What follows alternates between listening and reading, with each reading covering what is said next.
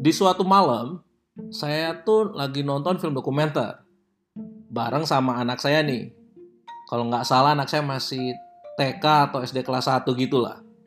Kita nonton film dokumenter soal perkembangan teknologi yang merubah kondisi kota-kota. Dimulai dengan ini nih, disorot dari luar angkasa kondisi bumi ini di, di malam hari. Ada beberapa kota yang awalnya gelap kalau malam, sekarang menjadi terang namanya film dokumenter dong, langsung di zoom, terus ada interview. Terus di interview lah nih satu orang anak muda yang pindah dari satu kota ke kota lain yang kondisi malamnya menjadi lebih terang. Nah si anak ini ternyata kuliah bidang IT dan juga bergerak di bidang teknologi. Ditanya dong, kenapa sih atau apa sih alasannya dulu memilih untuk aktif atau belajar bidang IT? Dia jawab, because I love Michael Jordan.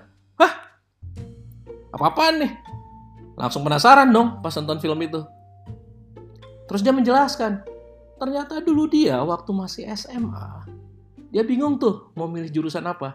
Jalan-jalanlah dia ke mall. Pas di mall, dia lihatlah itu poster Michael Jordan. Ya kan, yang jadi bintang iklan sepatu itu. Tahu dong slogannya Just Do IT. Eh, Just Do It. Nah, anak muda ini bilang, saya pikir tuh Just Do IT. Ngakak lah saya hampir guling-guling tuh. Sampai anak aja saya bingung, ini kenapa nih bapaknya ketawa? Maklum anak saya kan belum ngerti. Kita pikir itu lucu ya, tapi itu yang jadi ironis sekarang. Ketika kita bilang organisasi yang lebih inovatif, artinya apa? Kebanyakan akan jawabnya, ya saya punya sekian teknologi project nih, lagi jalan, lagi run. Tapi apakah itu cukup untuk dibilang organisasi itu inovatif? Nah, pertanyaan ini juga yang hadir kepada saya beberapa tahun lalu di Perth ketika seorang head of strategist ini sampai datang nih ngundang ke kantornya. Dia nanya gini, Fuji, saya dipanggilnya Fuji ya, soalnya kalau panggil Hendro gak susah. Malah seringnya dipanggil Andrew. Eh, tapi balik lagi ya, dia tanya nih, kan di semua dokumen perusahaan lah, zaman sekarang, zaman now. Kalau bicara strategi pasti ada kata-kata inovasi. Cuma dia bilang artinya apa sih ini praktisnya? Yang bisa program tahunannya bisa dibuat, bisa diukur dan lain sebagainya. Nah, kali ini kita akan jawab pertanyaan itu. Arti praktisnya apa sih? Menjadi inovatif bagi organisasi? Nah, ini ada rumusnya nih. Udah bahasa Indonesia nih. Rumusnya 4B. Filosofinya gini, inovasi itu adalah sebuah siklus. Karena inovasi sesuatu yang baru biasanya jarang banget atau bahkan nggak pernah tuh dilahirkan dari satu proses iterasi berkali-kali pastinya. Dimulai dengan B yang pertama, belajar. Belajar ini bukan belajar dalam kelas ya, belajar. Dua pertanyaannya adalah what's happening and what's new. Jadi kita harus tahu nih, what's happening di dalam bisnis, what's happening di lingkungan bisnis, what's happening dengan customer kita. What's new? Apa yang terbaru nih? Soal teknologinya, perilaku masyarakatnya, dan lain sebagainya. Kalau itu sudah, kita masuk ke B yang kedua. B yang kedua adalah berhipotesis. Bukan cuma ide, hipotesis. Harus berani menyampaikan dugaan mengenai sebab akibat. Kalau begini akan begitu. Kok harus hipotesis ya? Susah banget nih kata-katanya. Harus, karena itu akan mendorong terjadinya siklus selanjutnya, yaitu buktikan hipotesis dan asumsi. Nah, mungkin dalam tahap-tahap awal inovasi, yang kita tahu belum hipotesis, baru asumsi yang masalah. Tapi harus diuji.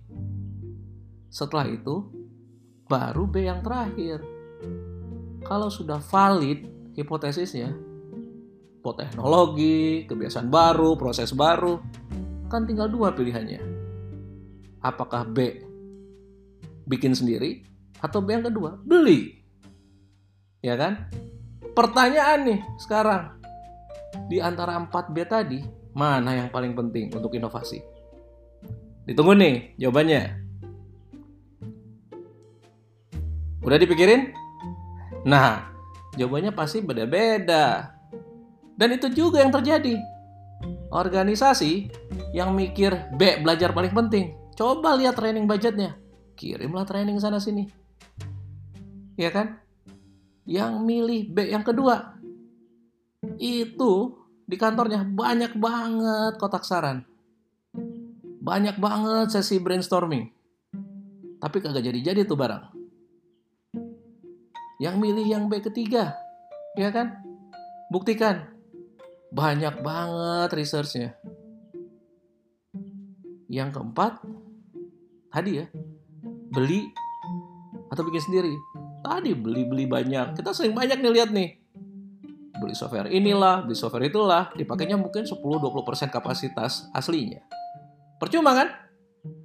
Jadi apa sih yang paling penting? Ingat kembali ke filosofi tadi. Inovasi ada sebuah klik siklus. Jadi yang terpenting adalah siklusnya terpenuhi. Karena percuma belajar kalau tidak pernah berani berhipotesis. Percuma banyak hipotesis tapi nggak pernah diuji. Nggak pernah dibuktikan.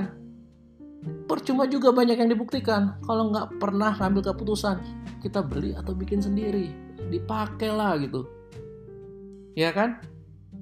Nah, akhirnya kita bisa mengerucutkan nih menjadi sebuah sesuatu yang praktis untuk menyusun program inovasi. Dimulai dengan dua pertanyaan. Apakah siklus inovasi ini terjadi di perusahaan kita? Pertanyaan kedua, kalau belum terjadi, di proses yang mana siklus ini putus? Pertanyaan ketiga, apa hambatan yang harus dihilangkan dan juga apa yang harus ditambahkan agar siklus itu tidak putus. Dengan tahu jawaban tiga pertanyaan tadi, kita akan punya program inovasi di perusahaan kita. Ya. Nah, sekarang coba refleksi apa yang terjadi di perusahaan masing-masing. Karena kadang nih ya, belajar nih kirim training ke mana-mana, tapi melontarkan ide dimarahin. Atau sering yang Bang Puji dengar bilang gini, ya training di sana kan beda dengan kondisi kita. Ya kalau udah beda ngapain di, dikirim training sana? Semua pasti perlu penyesuaian. Atau kayak gini nih, udah ngeluarin ide, nggak ada yang maju berani. Oke eksperimennya seperti apa? Udah dikasih free buat trial, tetap aja kagak mau. Atau dibilang juga nih, udah dibuktikan rekomendasi ada, dan semua tersimpan rapi di rak nggak dipakai sampai pernah ada yang dulu tuh teman-teman bilang ke bang Fuji Fuji mau lihat nggak rekomendasi yang harganya miliaran rupiah? Nih ada semua di laci meja gua katanya. Ironis ya? Ironis. Jadi kembali lagi. Empat hal tadi siklusnya harus terpenuhi. Dilihat apa yang menjadi hambatan. Jangan sampai nih minta duit seribu rupiah buat eksperimen membuktikan hipotesis, paperworknya sama tebalnya dengan minta satu triliun. Ya nggak jadi-jadi tuh eksperimen. Gitu ya. Nah karena jawaban itulah dulu, Bang Fuji tawarin nih untuk stay di bisnis itu. Dia bilang gini, Fuji kamu stay lah di sini. Nih job description-nya lu isi sendiri. Nanti gue ngomong sama eksekutif.